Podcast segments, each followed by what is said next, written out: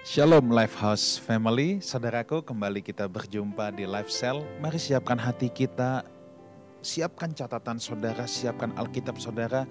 Saya percaya setiap kebenaran firman Tuhan yang dibagikan tidak akan pernah kembali dengan sia-sia. Mari kita bersatu di dalam doa. Bapa dalam sorga, berbicaralah kepada kami pribadi lepas pribadi. Kami datang dengan rasa lapar dan haus akan suaramu. Kami datang menyediakan hati kami seperti tanah yang subur. Garap kami Tuhan. Sampaikan apa yang menjadi isi hatimu. Dalam nama Tuhan Yesus kami berdoa. Amin. Saudaraku pada kesempatan ini kita akan diberkati oleh seorang sahabat. Beliau juga mitra kita dalam Life House Mission. Beliau berdomisili di Bandung, senior pastor dari CNC Bandung. Beliau adalah mitra misi kita di mana beliau memiliki pelayanan-pelayanan juga untuk memberikan beasiswa kepada anak-anak yang kurang mampu dan di sekitar pinggiran kota Bandung. Dan senang sekali kita sudah bermitra dengan beliau kurang lebih dalam satu tahun ke belakang ini. Dan saya percaya ada suara Tuhan yang akan disampaikan lewat beliau. Mari siapkan hati kita, kita sambut Pastor Winter. Saya persilakan. Thank you.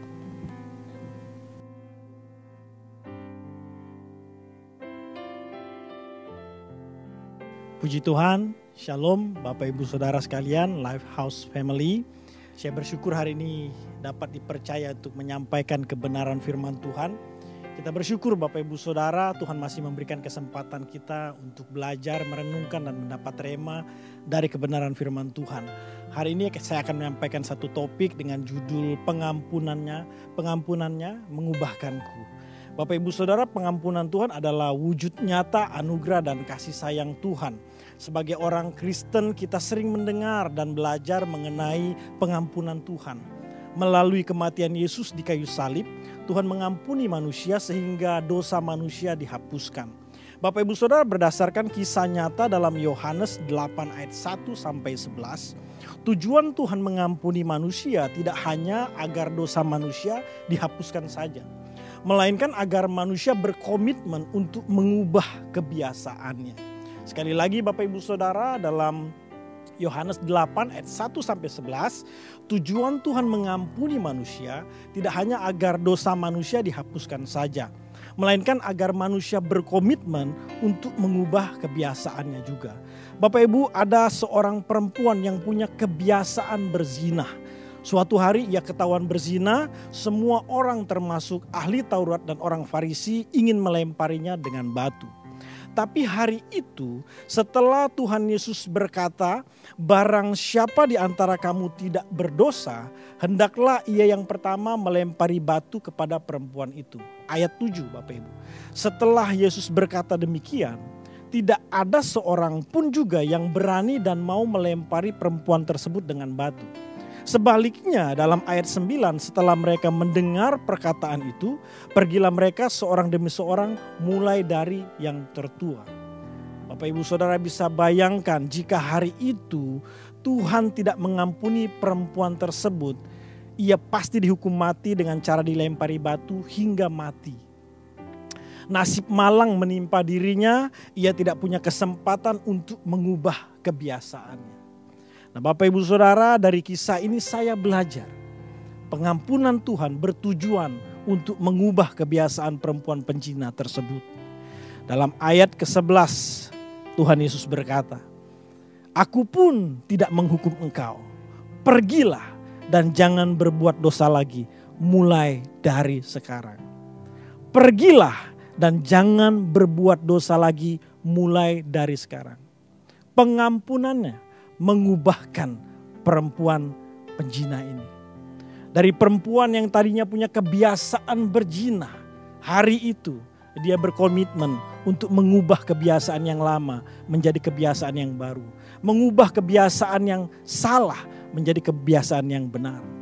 Sama seperti yang dikatakan oleh Rasul Paulus dalam 2 Korintus 5 ayat 17.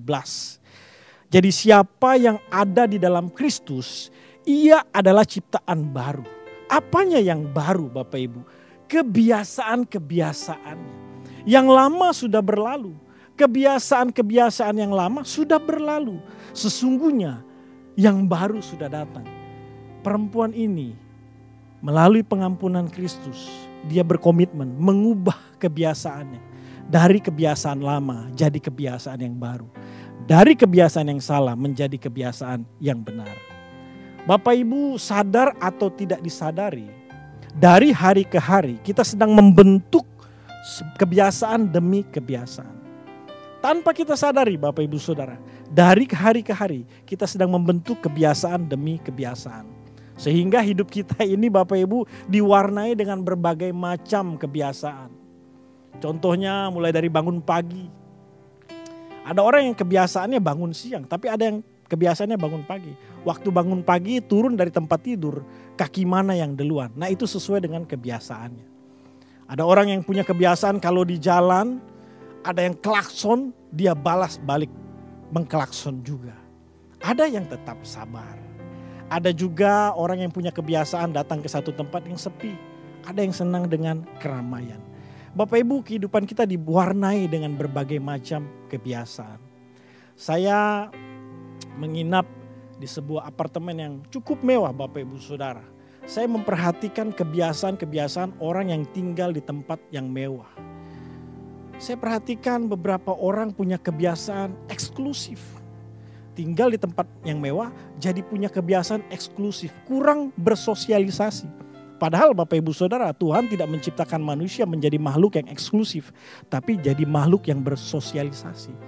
Nah, Bapak Ibu Saudara, dari yang saya pelajari, Salah satu faktor yang dapat membentuk kebiasaan seseorang adalah sifat dasarnya. Atau bahasa umum yang sering dikenal temperamen seseorang. Faktor yang dapat membentuk kebiasaan seseorang adalah sifat dasarnya. Kalau seseorang dengan sifat dasar atau temperamen kolerik, dia akan membentuk kebiasaan sesuai dengan temperamen. Begitu juga dengan sanguin, melankolik, dan plekmatik. Saya tidak bisa membahas banyak, Bapak Ibu Saudara bisa mencari data mengenai hal ini. Namun garis besarnya adalah faktor yang dapat membentuk kebiasaan seorang adalah sifat dasarnya. Bapak Ibu kita tidak dapat mengubah sifat dasar kita. Kita tidak bisa mengubah sifat dasar kita. Kalau orangnya udah kolerik ya kolerik lah kalau sanguin tetaplah jadi sanguin, begitu seterusnya Bapak Ibu. Kita tidak bisa mengubah sifat dasar kita, tapi kita bisa berkomitmen untuk mengubah sifat-sifat kita yang salah jadi benar. Mengubah sifat-sifat kita yang lama jadi baru, sama seperti perempuan ini. Kalau Bapak Ibu Saudara uh, punya kebiasaan sebagai orang kolerik biasa suaranya keras, tegas, senangnya mendominasi, nggak akan bisa berubah. Tapi kita bisa mengubah sifat-sifat di balik temperamen kita yang seperti itu. Walaupun keras, tegas, ingin mendominasi, tapi hati tetap tulus. Ada orang sanguin yang senangnya bercanda melulu. Kalau orang Sunda bilang hehereyan gitu ya, seneng bercanda. Tapi bercandalah yang berbobot. Bercandanya nggak bisa diubah. Tapi kita bisa mengubah sifat-sifat yang lama. Kalau dulu bercandanya nggak berbobot, bercandalah yang berbobot. Ada orang-orang melankolik yang biasanya gampang sekali bersedih. Bersedihlah disertai dengan perubahan. Jangan hanya bersedih. Sifat dasar itu memang tidak bisa diubah. Tapi bersedihlah. Kalau memang Tuhan tegur nasihati bersedih. Bersedihlah disertai dengan perubahan hidup, perubahan hati.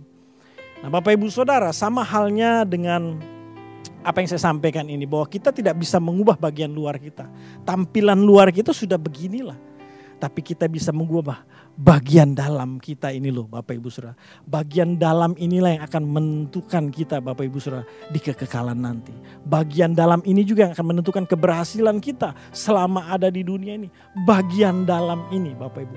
Perempuan penjina tadi ketika bertemu Yesus, Yesus mengampuni dia dan pengampunannya membuat dia berkomitmen mengubah bagian dalam ini. Dan luar biasa Bapak Ibu Saudara, dari perempuan yang berdosa, dia diubahkan.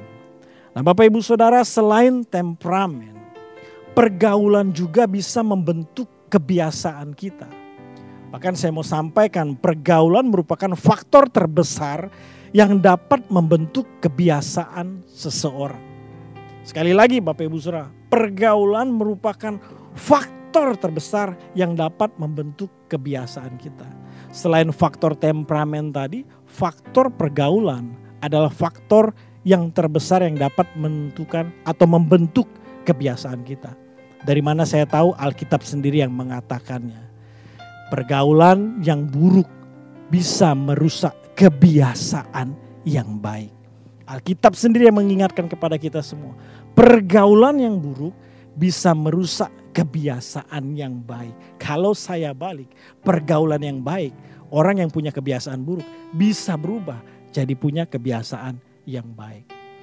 Bapak Ibu, jika kita dikelilingi oleh orang-orang yang punya kebiasaan berbuat baik, secara otomatis kita akan terpacu untuk punya kebiasaan yang sama.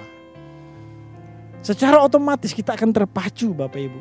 Kalau kita dikelilingi oleh orang-orang yang punya kebiasaan berbuat baik. Sebaliknya kalau kita dikelilingi dengan orang yang punya kebiasaan berbohong, suka fitnah, benci orang, gosipin orang, kita juga akan terpacu mempunyai kebiasaan yang sama. Makanya Bapak Ibu Saudara, perhatikan apa yang firman Tuhan sampaikan. Kebiasaan buruk merusak, maaf, pergaulan yang buruk merusak kebiasaan yang baik. Kalau kita bergaul dengan orang yang jujur, orang yang penuh kasih, orang yang saling membangun, memperhatikan satu dengan yang lain. Oh Bapak Ibu Saudara, kita akan terpacu punya kebiasaan yang sama. Nah Bapak Ibu Saudara dari sekian kebiasaan kita harus bisa membedakan. Manakah kebiasaan yang mengarahkan kita kepada kekekalan di surga atau neraka?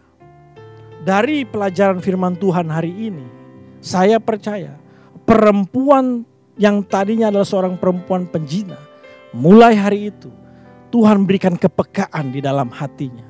Tuhan berikan hikmat di dalam pikirannya dia sudah mulai bisa membedakan mana kebiasaan yang mengarahkan dia kepada kekekalan. Surga atau neraka. Jangan pandang enteng kebiasaan kita setiap hari Bapak Ibu. Karena itu bisa mengarahkan kita kepada kekekalan. Salah punya kebiasaan atau mempertahankan kebiasaan-kebiasaan yang lama dapat mengarahkan kita kepada neraka. Tapi kalau kita diberikan hikmat, diberikan tuntunan oleh Roh Kudus membedakan. Nah, ini kebiasaan-kebiasaan yang luar biasa yang mengarahkan saya kepada kekekalan di surga. Bapak Ibu, kita harus bisa membedakan mana kebiasaan yang membangun iman kita, yang membangun kerohanian kita.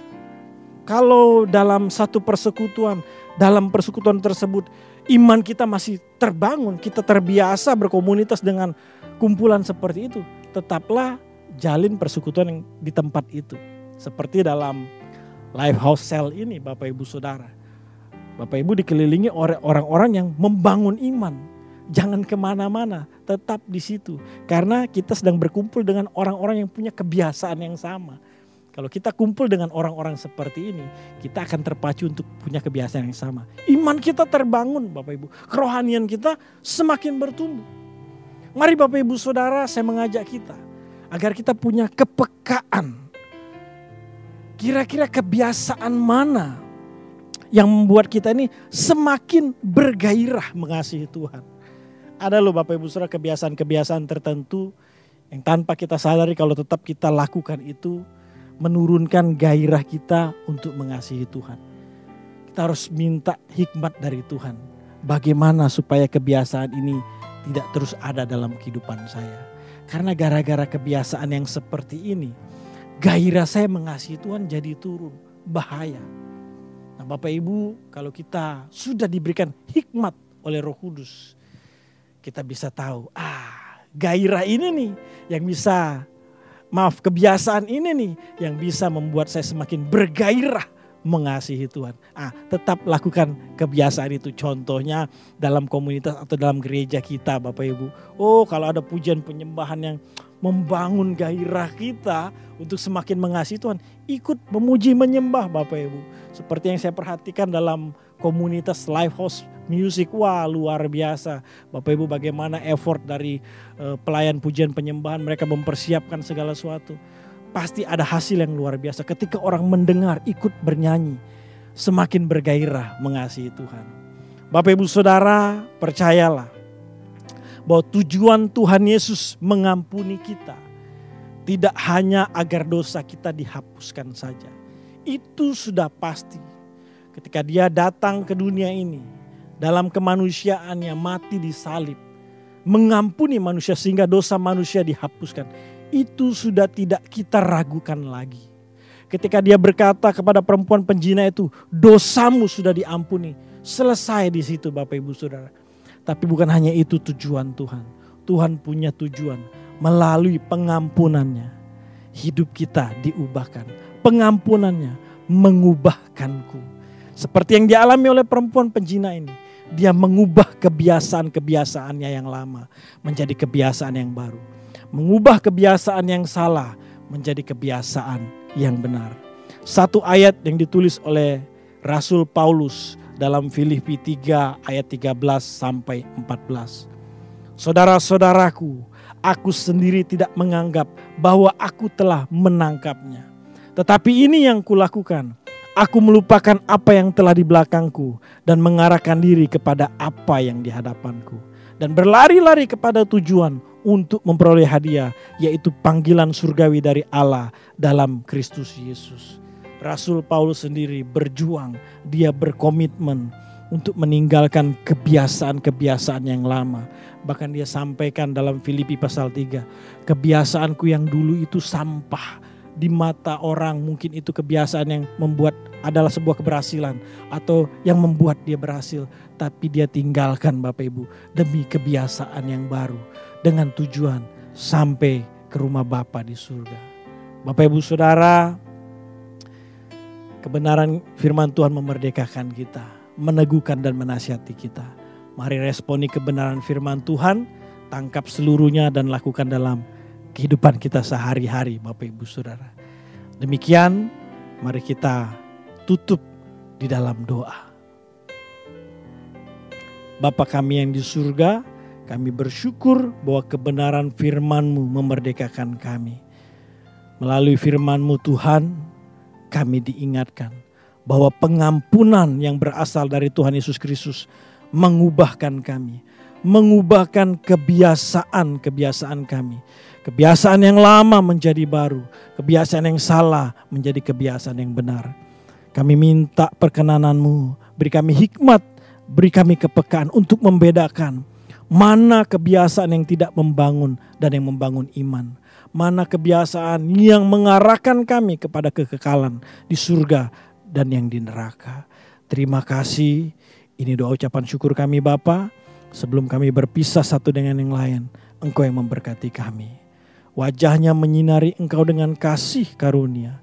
Tangan yang kuat menuntun menyertai ke mana pun engkau pergi. Apa pun yang kau kerjakan, dibuatnya berhasil dan beruntung. Nama Tuhan dimuliakan. Terimalah berkat Tuhan, sukacita damai sejahtera, persekutuan yang semakin intim dengan Roh Kudus sampai Tuhan Yesus datang kedua kali menjemputmu. Percayalah hidupmu semakin serupa seperti Kristus, bertanggung jawab hidup, fokus langit baru, bumi baru. Berkat dari Tuhan kami terima dengan ucapan syukur di dalam nama Tuhan Yesus yang sudah diberkati siap jadi berkat. Sama-sama kita katakan amin. Puji Tuhan, Tuhan Yesus mengasihi kita semua. Shalom.